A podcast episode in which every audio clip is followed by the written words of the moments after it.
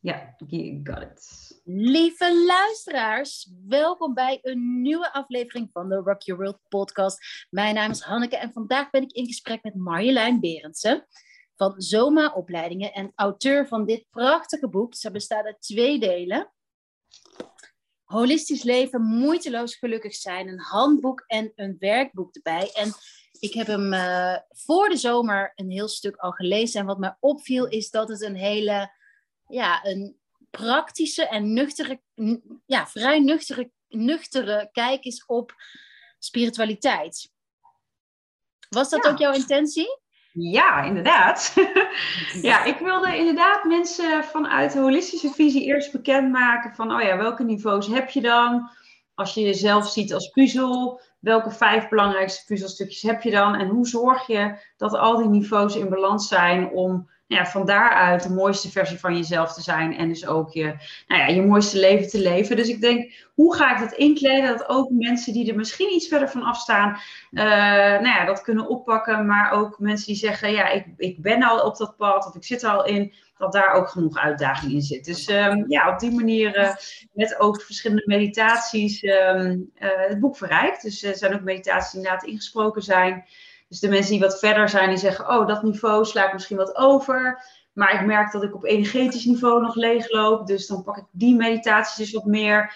Dus zo kun je eigenlijk je hele eigen reis bepalen met die, ehm, nou ja, met die verschillende boeken. Met de twee boeken. Ja. En je straalt er helemaal bij als je over je boeken vertelt. Eh, dat vind ik echt heel leuk, want dat herken ik heel erg. Volgens mij ben je echt, doe je dit met zo'n enorme drive en passie. En ja. ik ben ook heel erg benieuwd naar hoe je hierbij gekomen bent. Ehm, we gaan het specifiek in deze aflevering hebben over self-care en ehm, hoogsensitiviteit. Ja. Ehm, ik ben ook heel benieuwd bijvoorbeeld of, of hoe jouw kijk is op of er meer hoogsensitiviteit is de laatste, de laatste jaren. Of dat het komt dat er meer aandacht voor is, dat ik het meer in mijn omgeving hoor. Ehm, we kunnen het misschien ook wel een stukje praktisch hebben over self-care. Want we zijn allebei, ehm, we hadden het daar volgens mij vorige keer ook over, we zijn allebei drukke ondernemers, eh, Ja. moeders. En ehm, volgens mij houden we allebei van en selfcare, maar moet het ook wel praktisch zijn. Ja. Ja. Dus ben ik ook heel benieuwd naar jouw tips. Leuk. Ehm, en we hebben eh, twee vragen gekregen naar aanleiding van eh, mijn vraag op Insta over aan de, Insta, eh, de Rocky World community over welke vragen zij hadden. Dus laten we gewoon van start gaan. Leuk, leuk, leuk, leuk. Ik zit te popelen. Ja, helemaal leuk. Ten eerste, wat betekent holistisch leven voor jou? Holistisch leven betekent voor mij dat wij, eh, dat ik heel erg eh, vanuit eh, het, holistische zelfbeeld kijk, vanuit mijn kern, dat ik helemaal heel incompleet kan zijn. Dus dat ik kan kijken van, hey, hoe kan ik die mooiste versie van mezelf nou leven? En om dan even terug te gaan naar de basis voor mensen die denken, wat is holistisch ook alweer? Nou, holistisch wil zeggen dat je kijkt dus naar de mensen in zijn totaliteit. Dus niet alleen maar inzoekt op één stukje, maar echt naar het grotere beeld. Dus dat is fysiek, emotioneel, mentaal, energetisch en spiritueel. En holistisch leven gaat er dus over dat je kunt zien van, hé, hey, wat heb ik fysiek nodig? Dus ehm, hoe zit het eigenlijk met mijn sporten, mijn voeding, het slapen, ehm, de fysieke verzorging van mezelf, dus fysieke selfcare. Ehm, hoe zit het eigenlijk emotioneel? Heb ik de mensen om me heen die me uitdagen? Uh, voel ik die knuffels of voel ik de, uh, de diepgang uh, op, in gesprekken met mensen, dat ik voel dat ik daar wat uithaal. Dus emotioneel niveau, waar word ik blij van en doe ik die dingen? mentaal niveau betekent dat ik kijk naar nou, welke gedachten denk ik en is het waar wat ik denk? Hè? We hebben zo'n 70.000 gedachten per dag, waarvan 40.000 negatief. Um, dus je hebt de regie over jouw gedachten. En kan ik mijn gedachten sturen? Dus kan ik zorgen dat ik positieve affirmaties breng? Kan ik zorgen dat ik uh, intenties zet voor de dag? Um, dat ik mijn aandacht richt op waar ik blij van word? Maar ook, wat neem ik mentaal tot mij? Dus uh, luister ik een inspirerende podcast? Of zie ik alleen het journaal binnenkomen en merk dat ik overprikkeld raak mentaal? Dus zorg ik daarin goed voor mezelf? Um, energetisch, hoe is het met mijn energiehuishouding? Doe ik de dingen waar ik energie van krijg? Of uh, merk dat ik echt snel leegloop. Dus hoe zorg ik voor mijn energiehuishouding? Hè? Dat als je ziet dat wij mensen een batterijtje hebben. Kan je voorstellen met dit glas. Als uh, het glas vol is, is je batterijtje opgeladen. Dan zijn er dingen in de loop van de dag. Nou, bij HSP is nog sneller, daar hebben we het natuurlijk straks over. Maar uh, loopt het glas sneller leeg? Hoe zorg ik dat ik mijn glas weer oplaad? Hoe zorg ik dat ik, um, uh, dat ik weer vol ben? Hoe zorg ik dat ik regie hou over dat mijn energie ook um, transparant blijft, dus zuiver blijft, in plaats dat ik allemaal energie van anderen oppik? En het laatste niveau gaat eigenlijk over wie ben jij in essentie, dus wie ben jij werkelijk en van daaruit um, kunnen leven. Dus dat gaat ook over uh, je zielsmissie volgen. Wat kom je eigenlijk doen hier op aarde? Uh, en zo zorg ik eigenlijk dat ik holistisch leef, zodat ik al die niveaus voed. En als je het hebt over zielsmissie, nou, jij zei het al even met het boek, hè, hoe, hoe, dat leeft. Um, dit is zo mijn hart. En uh, voor mij is mijn missie echt om uh, lichte liefde en bewustwording te verspreiden. Dus dat alles in lijn is met die missie. En zo, zo ook deze, deze samenwerking, weet je, we, staan allebei zo voor hetzelfde. En ja, zo mooi om dit samen te doen. Dat de wereld een stukje mooier wordt en bewuster wordt. En mensen liefdevoller met elkaar omgaan. Dus voor mij gaat holistisch leven uh, kijken hoe voed ik dus al die holistische niveaus. Maar ook zie, hé, hey, er is er eentje wat minder in balans. En dan zie, oh, dat heeft dus ook invloed op de rest. Hè, want als ik uh, bijvoorbeeld um, qua energie uh, heel erg leegloop en de dingen niet doe waar ik blij van word en constant leegloop, merk ik op mentaal niveau dat ik negatieve gedachten krijg. Op emotioneel niveau merk ik dat ik prikkelbaarder ben. Of uh, misschien ook wel wat angstiger, faalangstiger. En fysiek merk ik misschien wel uh, dat ik moer ben. Of, of uh, spierpijntje, krampje hier, krampje daar. Dus ja, eventjes wat uitgebreider uitgelegd. holistisch leven omdat misschien mensen nog niet helemaal weten waar holistisch voor staat. Dus echt die puzzel in zijn totaliteit aandacht aan geven, zodat je dus die mooiste versie van jezelf kan zijn. Ja, en wat ik jou ook heel mooi hoor zeggen hiermee is dat, want dat wordt nog wel eens gedacht, dat self-care heel erg um, gericht is op, egocentrisch is, op gericht is op jezelf. Maar wat ik jou al hoor zeggen is, is dat uh, op het moment dat je al die vijfde dingen in jouzelf kunt voeden, dat je daarmee ook meer ruimte hebt voor een ander. Ja, absoluut. Weet je, want het is allemaal zo cliché. Ja, zorg eerst goed voor jezelf, dan kan je er beter voor een ander zijn. Maar zo is het gewoon. Want Um, als ik, uh, ik zie het zo voor me dat wij als het ware geboren zijn als een, uh, als een lampje. Um, dat lampje dat schijnt. Uh, zie je ook bij baby's, die kijken nog heel puur en zuiver de wereld in. Maar naarmate we ouder worden, krijgen we steeds meer lampenkapjes, steeds meer overlevingsmechanismen, strategieën, pijnen. En met dat holistisch leven haal je die lampenkapjes als het ware steeds meer weg. Ontdek je je eigen licht weer, dus je eigen kracht.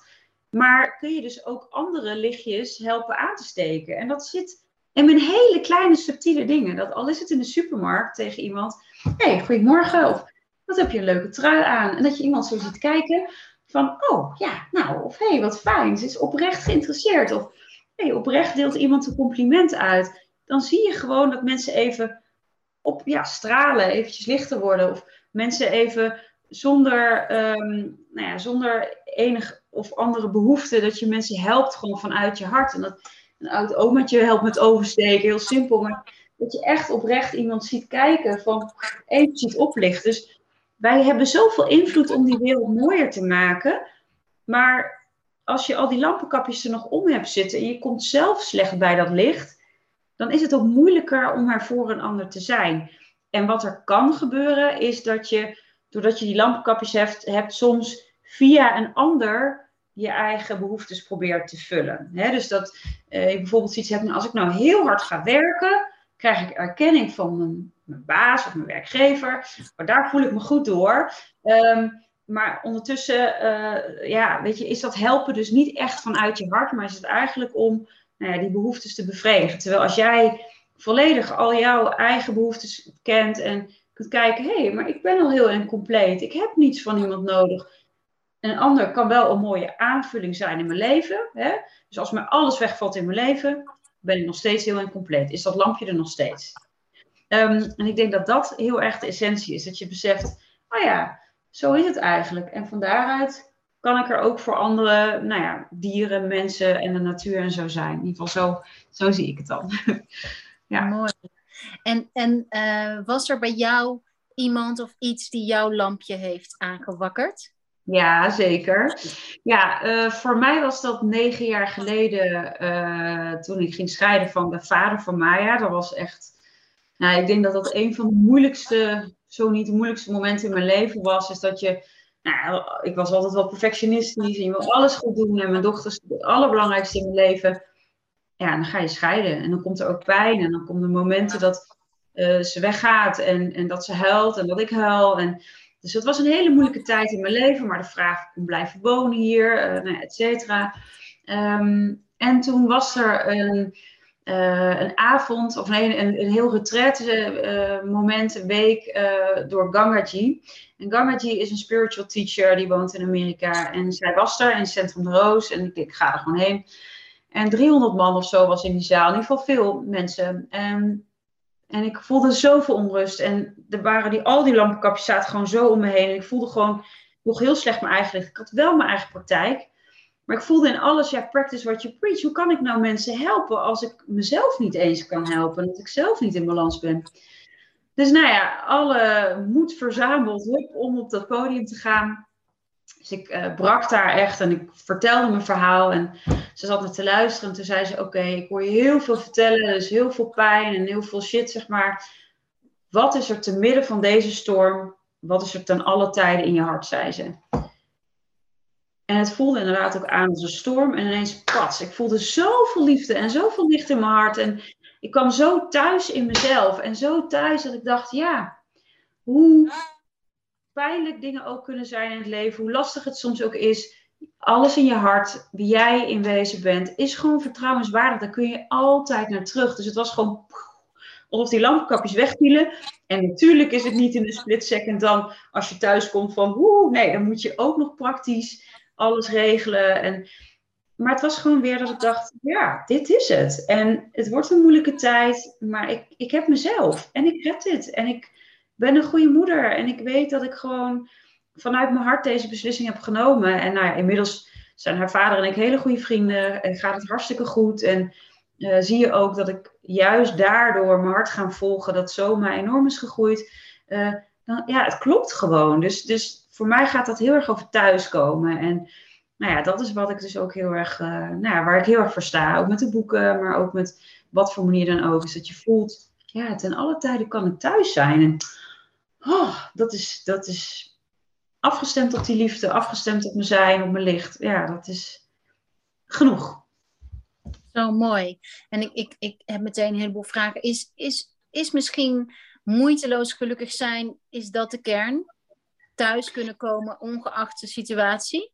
Ja, thuis kunnen komen, ongeacht de situatie. Precies dat. Want moeiteloos, dan denk je, ja, het gaat niet altijd moeiteloos. Nee, maar dat, maar op het moment dat je voelt van als ik al, ten alle tijde thuis ben, wat er ook gebeurt. Want er zullen heftige dingen in je leven blijven gebeuren. Dat, daar heb je geen invloed op. Maar ik heb wel invloed op hoe ik er mee omga.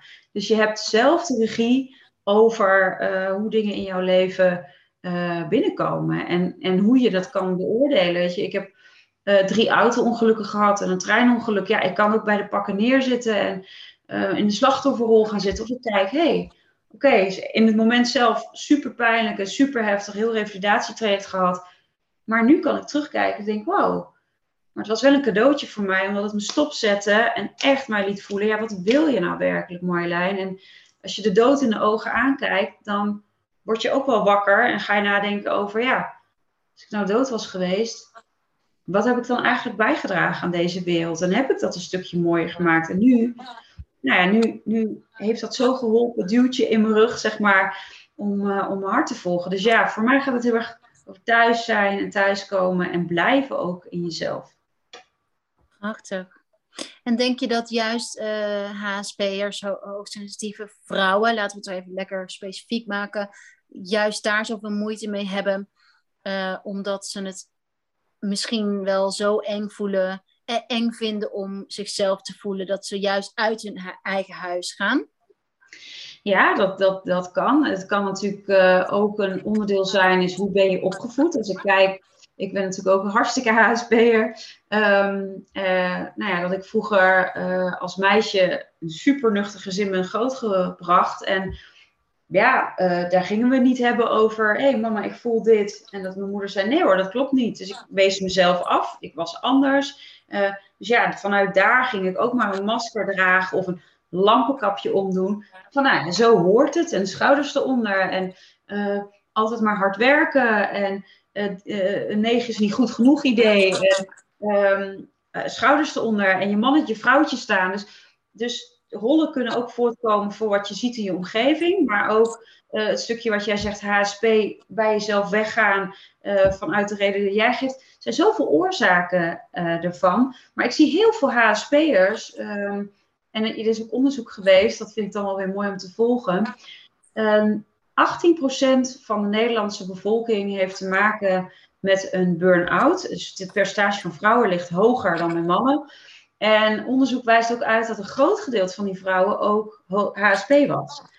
Of is. Omdat je uh, vanuit die HSP soms niet altijd voelt wat is van mij en wat is van de ander. Um, maar ook sneller leegloopt. Uh, groot verantwoordelijkheidsgevoel. Je HSP-vrouwen vaak een super groot hart. En willen er graag voor iedereen en alles zijn.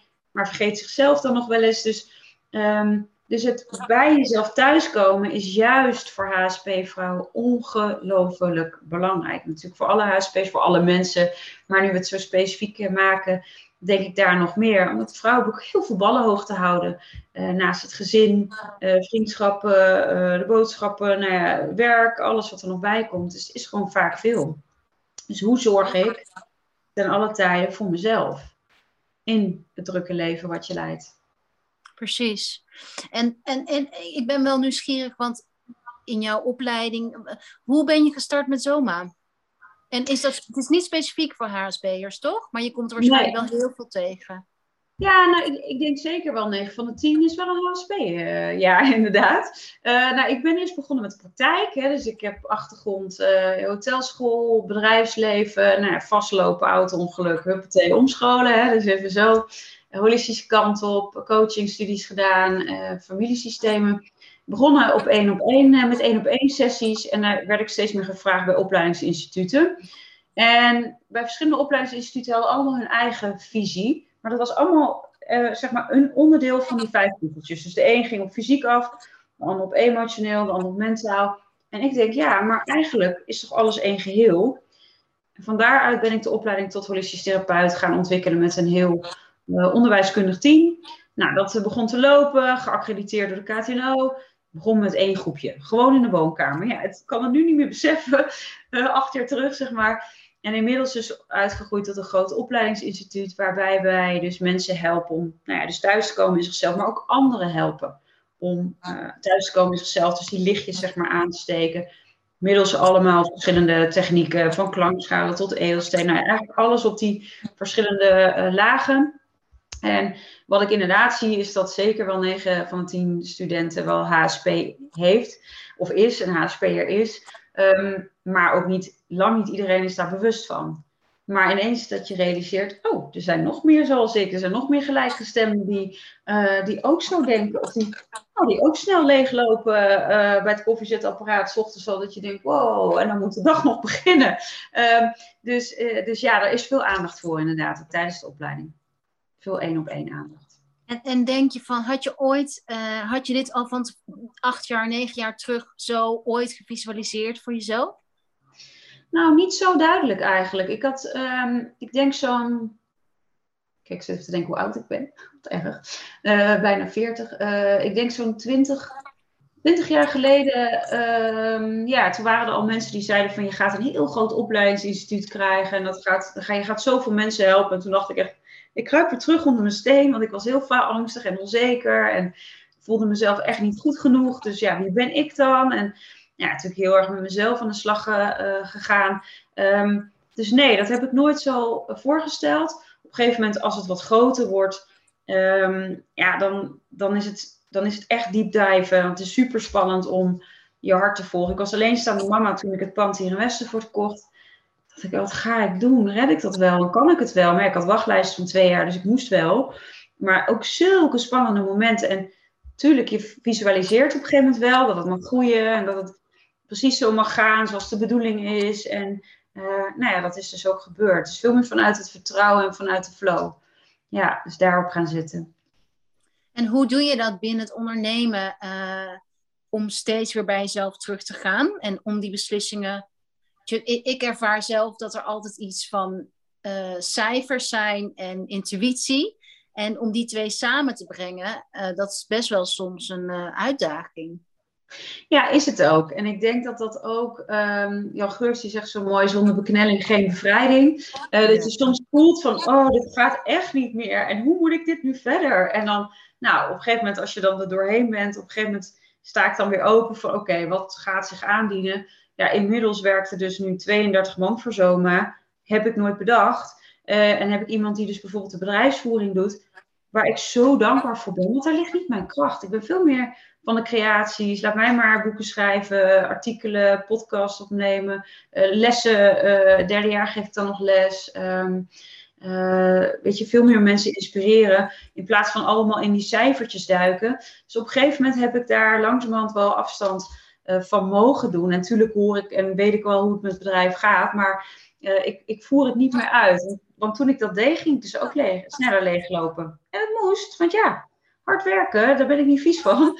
Uh, maar om nou te zeggen, gaat dat dan moeiteloos? Nee, dat, dat, dat was, wel echt pittig, was wel echt pittig, vond ik. Ja. En wat deed je op die momenten als je het pittig vond? Of hoe, hoe hield je jezelf staande en krachtig? Nou, ik denk dat, uh, dat de kunst is om steeds momenten in je agenda te plannen uh, voor jezelf, dat je kan opladen. Dus wat ik zo mooi vind aan jou, Hanneke, jij hebt prachtige ochtenden, allemaal rituelen die, die mensen kunnen doen. is super praktisch en super waardevol. Nou ja, die rituelen doe ik natuurlijk ook. Dus, uh, dus mijn volgers die kijken, dan ga zeker bij Hanneke ook kijken wat zij allemaal voor prachtige dingen doet op Rock Your World en, en Hanneke zelf.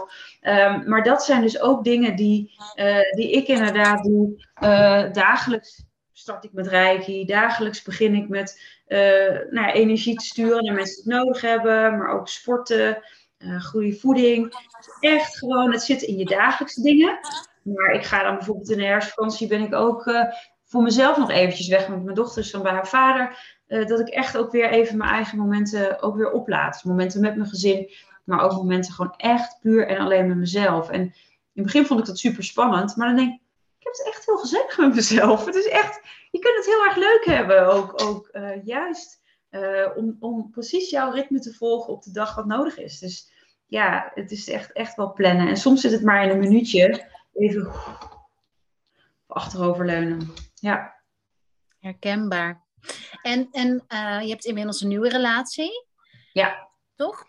Want ja. ik krijg heel veel vragen, uh, ook van vrouwen over het algemeen, over hoe ze nou in een relatie dicht bij zichzelf kunnen blijven. Vooral uh, en ik heb het idee dat dat vooral de hoogsensitieve vrouwen zijn die dat binnen een relatie heel spannend vinden. En dat vertaalt zich heel vaak als ik iets post over je grenzen aangeven, je grenzen durven aan te geven, want uh, dat ligt heel nauw verbonden met HSP zijnde. Ja. Grenzen. Dus uh, het zit altijd verkapt in dat kan je geen grenzen aangeven. Daar, dat herkennen vrouwen veelal. En dan met name in een, in een liefdesrelatie, het kan ook werkgever, werknemer of met de kids. Maar dat het, dat, dat zo lastig is. Van hoe, hoe zorg ik nou dat ik mezelf blijf?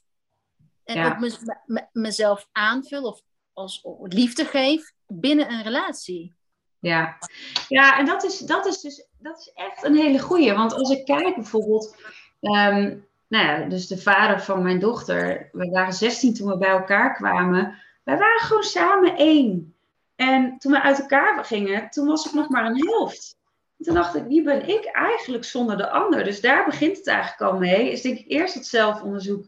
Dat je voelt hoe het is om thuis te komen in jezelf. Dus echt, echt met je handen op je hart, echt verbinding maken met jezelf. Zodat je als je alleen bent heel goed voelt, oké, zo is het als ik in mijn kracht sta. En dan is het ook eens in zelfonderzoek te gaan ontdekken als je bij iemand anders bent, een relatiepartner uh, op werk. Hé, wat gebeurt er eigenlijk en wat doe ik uh, om uit verbinding te gaan? Want dat is, dat is, dat is wel een mooie. Um, heel vaak denken wij, ja, ik moet in verbinding komen. Maar als je het omdraait en je zegt, ik ben thuis bij mezelf. Wat moet ik doen om uit verbinding te gaan? En dat is echt even, hoe? Dan zie je mensen denken, oh, ja, is echt ja, wow. Dus als ik thuis ben bij mezelf, waarom zou ik inderdaad weggaan van mijn thuis? En dat is, was voor mij zo'n eye-opener. Dacht ik, ja, wat is het, wie is het waard om weg te gaan bij wie ik ben? En wat heb ik dan eigenlijk te brengen? Dus draai hem eens om. En dan merk je dat het vaak zit in bewegingen die je maakt. In, ik noem dat movements. Dus dat kan zijn dat je, dus als je dus stelt, je stelt voor dat je bij jezelf thuis bent. En dat thuis zijn is als het ware een perron. En daar ben ik op. En als ik dus uit verbinding ga, dan stap ik een treintje in. Uh, want ik ga weg van dat perron. En wat is dat treintje? Zijn dat treintjes die worden geleid door gedachten, emoties, misschien wel mijn lichaam? Uh, beweeg ik naar een ander toe? Hè? Dus je hebt vrouwen die kunnen versmelten met hun partner, waardoor ze zichzelf verliezen. Je hebt vrouwen die uh, in gevecht gaan. En daar zullen zichzelf verliezen. Je hebt vrouwen die zeggen: Ik ga op de vlucht, ik ga uit verbinding. Maar daardoor dus ook uit verbinding met mezelf. Dus wat doe ik eigenlijk in relatie tot die ander? En dat gaat echt over zelfonderzoek. En te gaan ontdekken: is er een patroon? Voor mij was het grootste patroon versmelten. Ja, ik ben een helft van een tweeling. Oh, dus dat is natuurlijk heel makkelijk. Dus wij waren een een-eigen, of we zijn nog steeds een een-eigen tweeling ja, dan ben je met elkaar. En ja, nooit geleerd hoe het met een ander was. Toen kwam mijn partner, huppatee, nou, hup, weer klit en klit, meteen aan elkaar. Uh, en dan op een gegeven moment kom je alleen. En nou, dat was voor mij heel erg in, terug in mijn eenzaamheid, totdat ik thuis kwam bij mezelf. En dat ik dacht, oh ja, dus in mijn verbinding met de ander helpt het mij bijvoorbeeld al om niet heel erg naar voren te gaan. Is heel simpel, heel praktisch. Maar in mijn energie iets naar achter te blijven hey, ik mag gewoon bij mezelf blijven. Ik kan de ander ontmoeten. Dit is jouw eilandje. Dat is mijn eilandje. En zo blijven we in onze eigen kracht. En in het midden vinden we elkaar. En dat is één en één is drie. Maar ik blijf in mijn eigen energie. In plaats van een helft en een helft wordt één. En ik weet eigenlijk niet meer wat van jou is en wat voor mij is. Nou, dat is eventjes een voorbeeld voor uh, hoe dat werkt. Maar dat, dat vraagt wel even om, om, nou ja, om anders te kijken, om om te denken. Ja. Wat prachtig. En, en is dit dan ook zou je kunnen zeggen dat je, eh, een thema bij jou was eenzaamheid? En dat dus dat samensmelting voort is gekomen uit de hang, behoefte aan samen zijn? Onder andere wat je al zei. Ja, en eenzaamheid, als je daaronder nog eens kijkt, dan zit daar natuurlijk ergens het gevoel, voor mij, eenzaamheid zegt ook alleen, dus, dus niet voor in verbinding eigenlijk, ging ook heel erg over het niet waard zijn om van te houden. Dus als ik dat gevoel heel erg heb, ja, dan, dan, dan, dan zit die eenzaamheid er van, krijg toch bijna een soort van gevoel of niet goed genoeg zijn. Dus als ik met iemand ben, die vult dat stukje in mij op. Nu zeg ik, nee, weet je, niemand hoeft iets op te vullen. Ik ben geen gatenkaas, ik ben gewoon gevuld. Nou, en als ik met iemand ben, dan hoef ik ook niet te versmelten. Ik mag in mijn eigen energie blijven. En sterker nog, ik heb een diepere en intensere verbinding met de ander omdat je die authenticiteit allebei behoudt en niet jezelf verliest. En niet meer een, een weerwar hebt aan gevoelens en emoties en, en, en sensaties die misschien ergens in het midden liggen, maar niet eens van jou zijn. Mooi. En, en denk je dat, want ik zie soms, dat kan, ehm, vrouwen die hoogsensitief zijn, kunnen dat ook echt als last ervaren. En, en ehm, misschien als ja, jij, zegt, jij zei, ik ben geen gatenkaas. um, dat vind ik een hele mooie vergelijking. Want de, nou, wat ik wil zeggen, denk je dat het een, een, een switch in mindset is dat je het als kracht kunt inzetten en uh, niet op voorhand misschien denkt van, oh, maar ik ben hoogsensitief dus? Ja, het is een switch in mindset, maar het is ook een switch in eigenlijk al die niveaus. Dus als je echt gaat zorgen dat je op al die niveaus goed gevoed bent. En dus ook echt je energiehuishouding onder de loep neemt. Van hé, hey, ik sta s ochtends op. Ik voel even hoeveel mijn batterijtje is. Stel dat dat 100% is. Kijk eens even, hey, waar loop ik in de loop van de dag op leeg? Ik ken heel veel HSP'ers die dat al heel simpel hebben op werk, in een vergadering of op verjaardagen, dat je naast iemand zit. 9 van 10 die ik vraag zeg, erkennen dit van, oh, ik zit naast iemand en die vertelt en op een gegeven moment merk ik, oh, ik word helemaal moe. Ik merk dat ik helemaal word leeggezogen. Dus bepaalde type mensen waarbij je voelt van, oeh, heb je dat dus te veel in je omgeving, loop je dus heel snel en vaker leeg. Dus ook is het heel goed om te kijken, wat gebeurt hier? En dus het gaat niet alleen om de mindset, want als ik, als ik denk van, ja, hoogsensitiviteit is mijn kracht. Yes, weet je, nou, dat doet iets in de mind. Maar het kan nog, nog steeds zo zijn dat ik energetisch le leegloop. Dus het is wel belangrijk om die andere niveaus ook te voeden. En dan te kijken, maar waarom loop ik dan zo leeg op dat energetische niveau? En wat kan ik doen? Nou, voor mij werkt Reiki dan heel goed. Of zorg dat ik dus mezelf even helemaal vul. Dus niet die gatenkaas blijf. Alles wat overstroomt is voor de ander. Maar mijn energie is voor mij. dus als ik mijn glas heb, ik vul mijn glas elke dag. En alles wat overstroomt, hier alsjeblieft, ik deel het met alle liefde uit. Uh, maar wat in het glas zit, blijft van mij. Dat is zeker ook een mindset van hé, ik ben het waard om van te houden. Mijn energie is van mij. Je mag bij mij blijven. En alles wat overstroomt, met alle liefde deel ik het. Maar ik zorg in de eerste plaats goed voor mezelf. Ja, eigenlijk zijn dat de eerste drie chakra's. Ja, ja uh... vaak zie je, klopt. En dat zie ik ook wel bij de meeste HSP'ers. Zie je vaak dat die eerste drie wat uh, onderontwikkeld zijn, wat minder goed gegrond, uh, wat, wat meer spanningen, wat, wat wat, ja, wat een rotzooi zeg maar in die eerste drie chakras ligt. Die hoge zijn vaak wat overontwikkeld. Dus het snel meer kunnen waarnemen, uh, heel erg kunnen invoelen, uh, het helder horen, helder voelen, nou, al die aspecten. Dus dat is wat overontwikkeld. Maar als die basis wat onderontwikkeld is, ja, dan zie je zo koude handen, koude voeten, niet goed gegrond kunnen zijn. Want als je staat als een boom, heel stevig, kan het omweren, kan het hagelen, kan het stormen. Die boom blijft wel staan. En dat is waar dit echt over gaat. Is sta in je kracht, stevig, is niks zweverigs aan. Heel erg juist zelfcare, echt, echt in je kracht staan. Ja, en, en, en ook, uh, denk ik, voelen wat voor boom je bent. Dat heeft er volgens mij, dat, was jouw vijfde pijler, volgens mij als ik het goed zeg. Wie ben jij werkelijk? Ja, ja. ja. Uh, heel erg het element aarde, eerste chakra en in Ayurveda uh, kapha dosha onder andere, water en aarde. Want wie ben jij eigenlijk, is, het, is de vraag van wat is mijn fundament? Ja, juist. Wat is mijn fundament? Dus het echt heel erg thuiskomen ook bij dat fundament en voelen, wow, ik denk niet dat ik dat ik die, die thuis zijn voel, maar dat kan nog dieper. Die aarde, de aarde kan nog steviger ik heb af en toe ook wel momenten dat ik denk, wow, oh, ik voel nog meer bedding en nog meer ruimte ontstaan. En, ehm, ja, dat is zo gaaf. Het is, het is bijna oneindig zo, zo kun je het voelen. Ja. Mooi. En, en is het ook iets wat jij ziet in jouw opleidingen, dat mensen na in vier jaar, het is vierjarige opleidingen zijn het toch? Nee, tweejarige opleiding. Je kan er nog een derde jaar uh, bij volgen. Dus uh, Reiki trainer, holistisch coach of holistisch energetisch therapeut. Ja. Dus je kan er wel twee jaar van maken hoor. Ja, holistische therapeut is twee jaar. En dan vaak volgen wel mensen nog een extra jaar erbij. Ja. Want ik kan me voorstellen dat het voor, voor uh, heel erg tof is voor, voor jou, maar ook voor jou, de, de mensen die met jou de opleiding dragen, om mensen te zien in hun ontwikkeling, om dat fundament meer na afloop te voelen. Waardoor ze dus ook, wat jij zo mooi omschrijft, dat glas uh, beter kunnen delen wat over het glas uitkomt.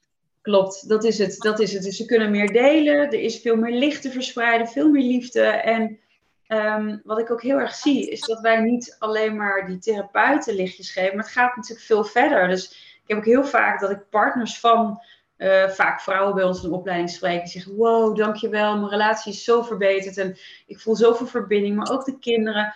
Alles in je omgeving geniet daar weer van mee. Dus ook wel eens vrouwen die denken, ja, ik kan niet zo'n opleiding doen, ik heb toch geen tijd voor, of ja, dat, dat, dat red ik niet met het gezin. Is niet alleen een cadeau voor zichzelf, maar vaak ook voor de omgeving. En dat realiseren ze zich niet. Dus, oh ja, hoe meer ik mijn sluiers afleg, hoe beter ik dat glas uh, vul, hoe meer er weer is om door te geven. Zo werkt het gewoon. Absoluut. En, en wat ik heel fijn vind, is dat je daarmee ook echt je kind of je partner kunt zien.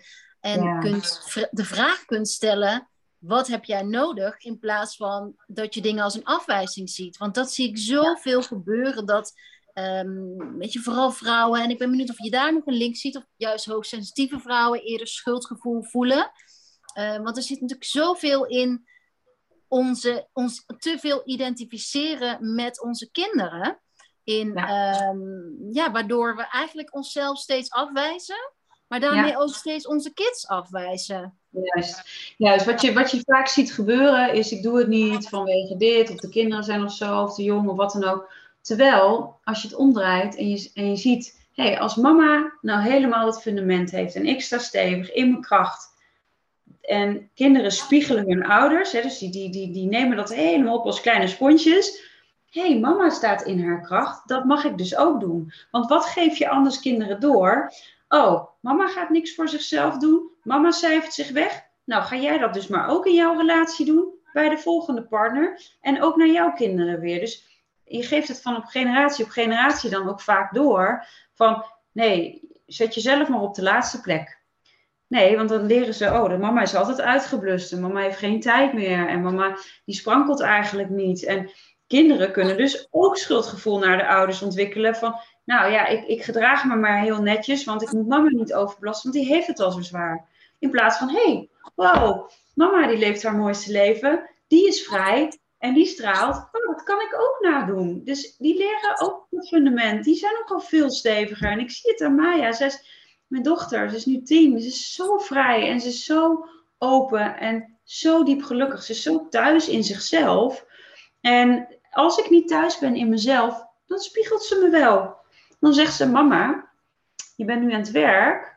Hè, bijvoorbeeld een keer in het weekend of wat dan ook. Maar je bent toch eigen baas, dus je kan toch zelf bepalen hoe je voor jezelf zorgt. Nee, uh, wacht even. ja, hè, dat je dus ook af en toe echt hem in je face krijgt. Kinderen zijn nog zo verbonden met die essentie. Die hebben nog helemaal niet die lagen. Dus op het moment dat je leert je kind die lagen af te leggen. Uh, en, en zo puur bij zichzelf te zijn. Door zelf dat voorbeeld te leven. Volgens mij is dat het allermooiste wat je als moeder kunt doen. Denk het ook. En, ja. en ik denk ook, er zijn volgens mij nu wij waren denk ik al in een generatie waarin meer hoogsensitiviteit was. En, en nu, de laatste jaren, we dat veel meer erkennen. Maar voor onze kids, als ik kijk naar mijn, zoon, mijn zoontjes en uh, de vriendjes van mijn zoontjes, die zijn eigenlijk allemaal uh, hoogsensitief. Dus ja. Uh, ja, hoe me meer en beter wij hun kunnen leren, volgens mij, om ja, hun fundament zelf te versterken. En hoe meer ik vind het wel mooi dat bijvoorbeeld Fitz was de, is de afgelopen tijd, heb ik, heb ik altijd de eerste weken van school zijn voor hem altijd super pittig. Um, dat merk ik, dan is hij eerder moe. En, en uh, dus als hij dan aangeeft van, oh, ik wil een dag thuis blijven, dan mag hij voor mij ook altijd thuis blijven. En je ziet volgens mij dan ook al die erkenning voor zichzelf van, oh, maar wat ik dus voel, ja, mama, mama gelooft mij. Mama die, die, die uh, steunt mij hierin. En ik zie dat dat voor hem zoveel opluchting is. Ja. Um, en er is natuurlijk een dunne lijn van ja, je, je kind misschien motiveren voor iets. Maar ja, ik weet eigenlijk bij, dat zul je bij Maya ook hebben. Ik ken Fit zo goed en hij is zo puur. Ik denk dat alle kinderen zijn natuurlijk heel erg puur. Um, ja, dat je gewoon ziet wanneer het. Ja, er zit gewoon dus, dus altijd waarheid. Ja. ja, dat vind ik zo mooi wat je zegt. Het is gewoon echt de kinderen horen en zien. En ook hun eigen waarde en hun eigen authenticiteit. Dat ze zich daar trouw aan blijven. Ik herken het. Ik heb het bij mij ook gedaan. Op het moment dat ze zo extreem overprikkeld was, was zoveel. Ze echt zei, ja, oh mama. En ik zei, ja, ik zei, weet je, vind je het fijn om een dagje thuis te blijven? Ja. Ik heb het wel gewoon met school overlegd. Die zeiden, joh, prima. Ja, weet je, ze zit goed in de vel. Ze doet het hartstikke goed. Um, maar gewoon, hé, hey, ze is even een dagje aan, lekker aan het opladen. Gewoon echt weer. En daarna dan, uh, dan kan ze ook veel meer aan en veel meer hebben. En ik denk ook dat dat heel belangrijk is op scholen. Dat dat steeds meer geïntegreerd wordt. Dus dat kinderen s ochtends leren om te landen. Of om kleine yoga oefeningetjes te doen. Of even te aarden. Ja, er zijn ook kinderen die misschien bij wijze van dat de ouders s ochtends ruzie hebben gehad dat kinderen helemaal overprikkeld zitten en daarna een CITE-toets moeten doen. Ja, natuurlijk niet goed doen. Dus onderpresteren, krijg je dat weer, hè, als ouders daar dik bovenop zitten. Dus maar, ja, joh, laat het los. Wat heeft het kind eigenlijk nodig? Hoe komt het kind binnen? Ja, ik snap dat het lastig is bij groepen van 33, maar het zou denk ik wel heel wenselijk zijn. Ja. En dat is ook mooi aan, uh, je vertelde dat uh, bij Zoma ook uh, steeds meer docenten komen, toch? Of heb je dat mis? Docenten, ja. huisartsen? Ja, klopt. Ja, we hebben echt een ver verschuiving. Ik denk de laatste um, vier jaar komen er ook heel veel mensen uit de reguliere gezondheidszorg. Dus inderdaad huisartsen, fysiotherapeuten, psychologen, psychiaters, artsen, verpleegkundigen. Die echt ook zeggen van, hé, hey, het mag anders. Er mag veel meer aandacht voor de mens zelf zijn. Of dat dan een kind is of volwassene, uh, ziek of, of gezond. Uh, maar, en alles daartussenin. De aandacht weer voor de mens. En die echt horen en zien. En niet, een huisarts is wat ik vaak van de huisarts terughoor. Ik ben geen huisarts geworden om in tien minuutjes eventjes iedereen af te werken. Nee, omdat ik vanuit mijn hart voel dat ik voor mensen wil zijn. En dat ik echt iets wil betekenen. Dus ik zie daar steeds meer dat holisme terugkomen. En steeds meer, ook in het zakenleven. Uh, we hebben ook veel mensen uit de HR die zeggen, hé, hey, maar de mens staat centraal. En niet, uh, niet alleen de targets en omzet. En nou ja, dat stuk. Ja.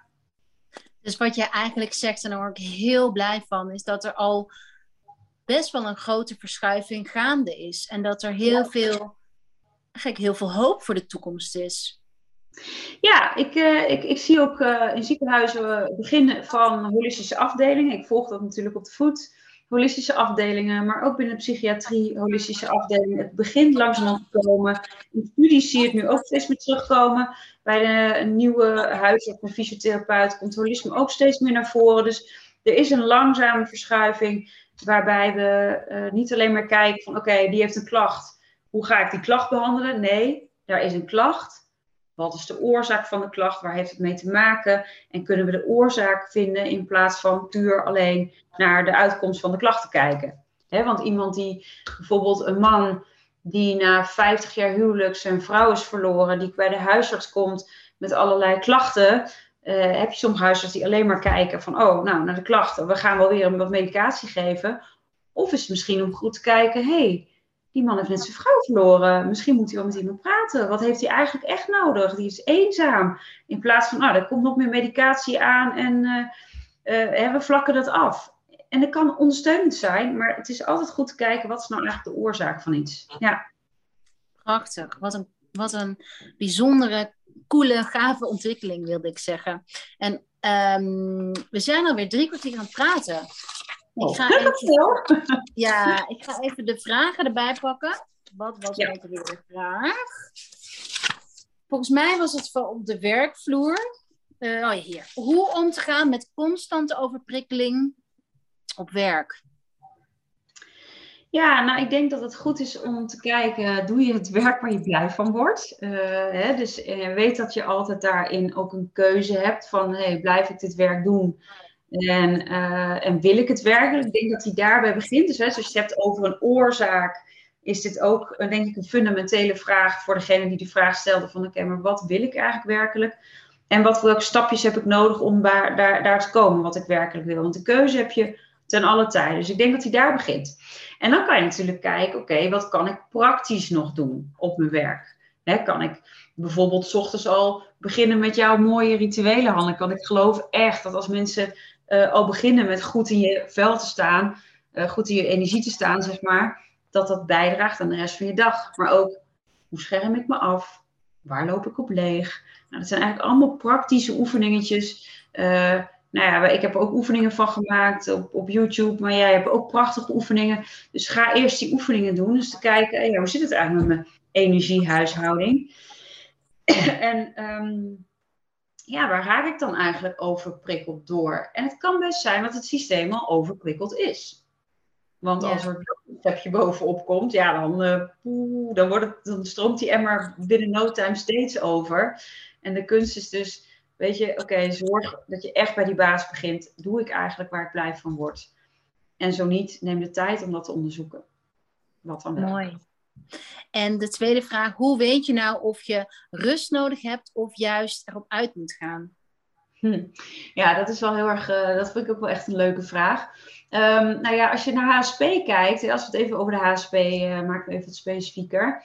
Dan zijn er eigenlijk vier types. Je hebt de, rust, uh, de introverte rustzoeker, de extraverte rustzoeker, de introverte belevingszoeker en de extraverte belevingszoeker. Dus eigenlijk vier types.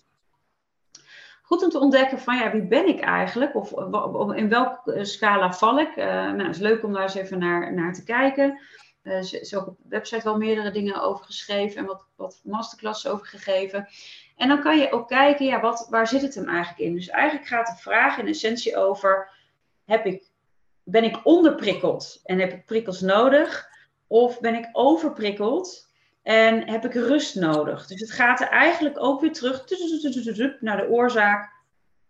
Hoe voel ik me? En ben ik eigenlijk thuis in mezelf of niet? Hoe staat het ervoor met het glas? Is hij half vol of is hij half leeg? Uh, hoe bekijk je dat? Um, ja, en dan zit je eigenlijk een beetje in de burn-out of de bore-out. Heb ik dus prikkels nodig? Of uh, hè, heb ik er te weinig aan prikkels en denk nou, verveel me dood. Ja, daar kun je ook uh, aardig leven van lopen. Of merk je, ik heb juist te druk. Dus ga echt op onderzoek uit. Waar zit die in? Onderzoek hem. En dan kan je kijken, hé, hey, wat is er dan nodig? Eigenlijk hoor ik je zeggen, dat vind ik ook wel mooi. Uh, die bore-out kan dus net zoveel energie kosten. Ja. Maar dat heb je waarschijnlijk helemaal niet door. Maar is een bore-out, kan het dan ook zijn dat je de hele tijd in een, in een tunnelvisie blijft? En daardoor niet, kan dat gevoed worden door angst, door faalangst bijvoorbeeld? Ja, natuurlijk. Oh, door faalangst en uh, ook uh, nou, de sleur of ik, ik ben niet goed genoeg. Nou, dan ga ik dit maar doen. Of er is niks beters of ik kan het toch niet. Nou, er kunnen allerlei dingen aan het grondslag liggen. Ik blijf dit maar doen. En ik blijf dat werk maar doen. Of ik blijf maar hetzelfde riedeltje. Ja, dan kun je ook ontzettend onderprikkeld eh, door raken. Terwijl je eigenlijk in je bewustzijn voelt, ik wil meer. En ik voel dat ik meer te brengen hier heb op aarde. En ja, absoluut. Ja, dus het is echt goed om te onderzoeken, wat gebeurt er eigenlijk? Als je over je werk of over iets praat, nou ja, wat jij zei in het begin voor mij van, hey, wauw, ik zie helemaal stralen als het over het boek is. Daar gaat het eigenlijk over. Praat je met passie over dat, ja, dan, uh, en je merkt, oh, ik, ik doe zoveel en ik werk wel 80 uur, ja, dan zit het vaak in de uh, overprikkelingskant, dus in de burn-out kant. Oh, ik, ik loop te snel leeg omdat ik zoveel hooi voor heb. Of merk je, ja, ja, die baan doe ik ook maar om geld te verdienen. En ja, dan zit het vaak meer in de, in de bore-out kant. En heb je vaak wat prikkels nodig die je uitdagen om op jouw levenspad weer te komen, op jouw zielsmissie. Wat heb je hier te doen? En dan denk je, ja, dat kan toch niet. Zij heeft makkelijk praten. Nou, geloof me, in mijn tijd was echt reiki. Paranormale therapie, uh, holistisch therapeut, was echt nadang. En iedereen in mijn omgeving dacht, ja, wat gaat zij dan doen? Ze heeft toch een goede baan. Dat praktijkje, dat loopt toch nooit? Reiki is een secte. Nou, ik heb alle shit wel over me heen gehad.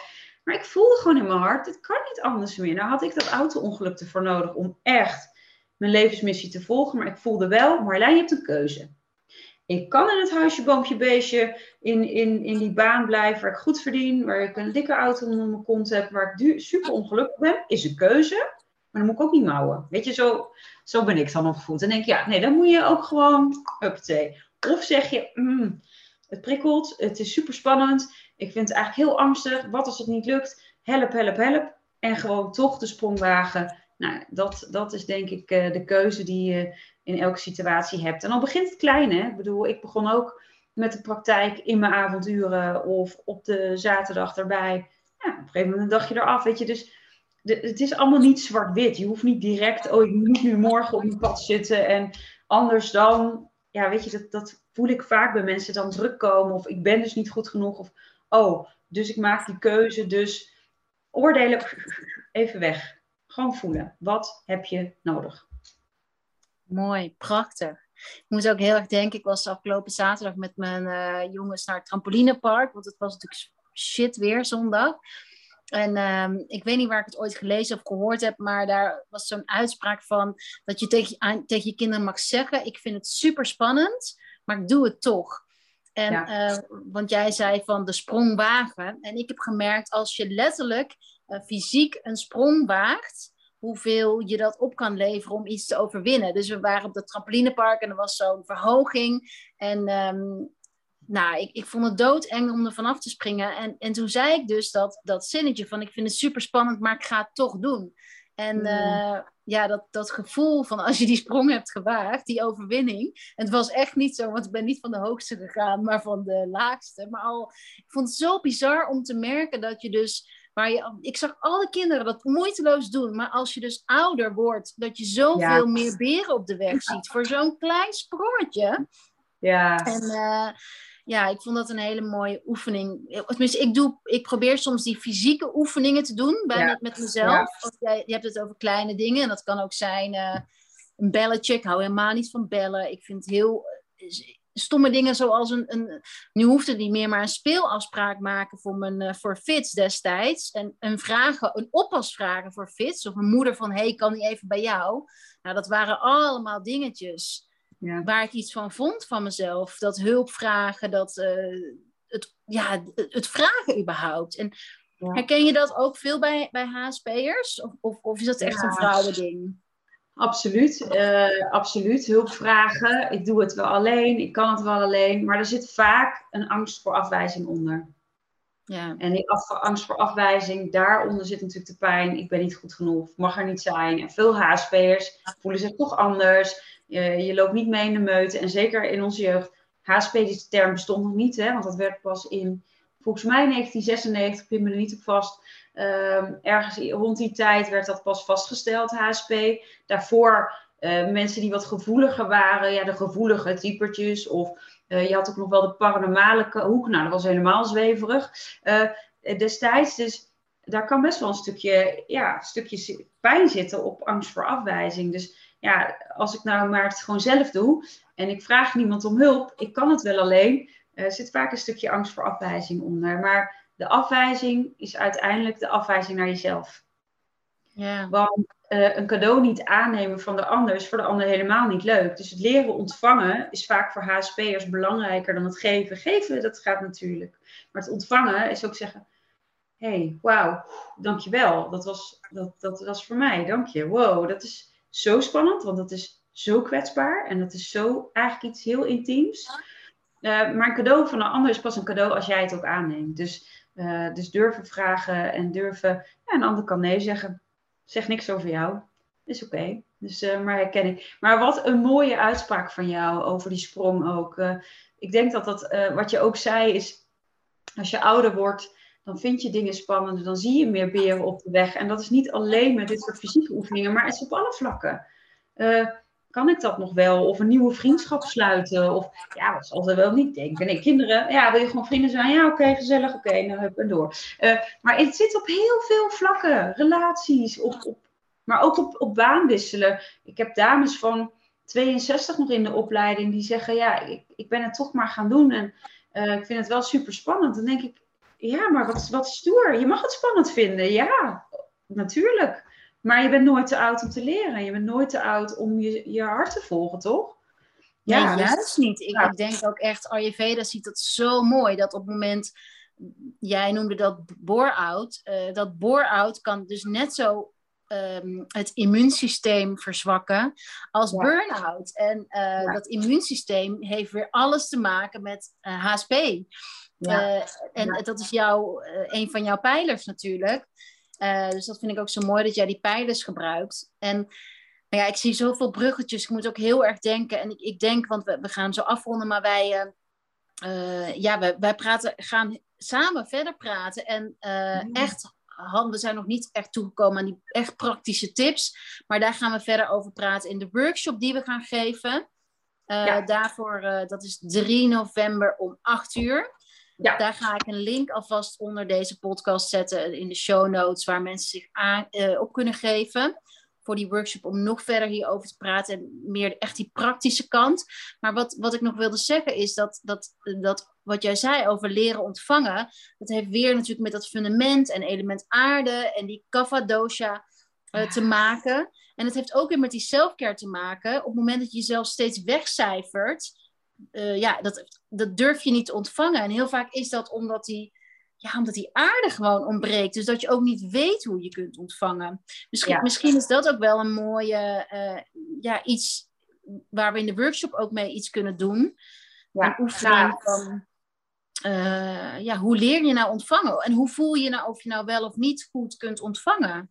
Ja, heel mooi. Ja, het wordt inderdaad een leuke ja, workshop, webinar. Dus uh, ga je lekker aanmelden bij, uh, bij Hanneke hiervoor.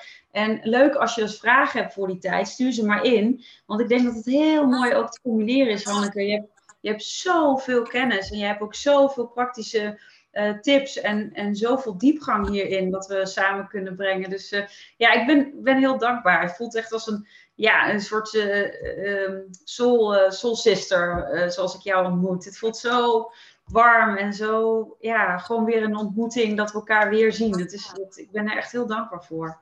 Ja, echt heel eens gelijk, eens gelijk. Ik, ik ehm, ben helemaal stil er even van, maar want ik, wat mij heel erg um, opvalt, in, precies wat je zegt, we vullen elkaar aan en ik ben heel erg te spreken over jou um, professionele visie daar ook op.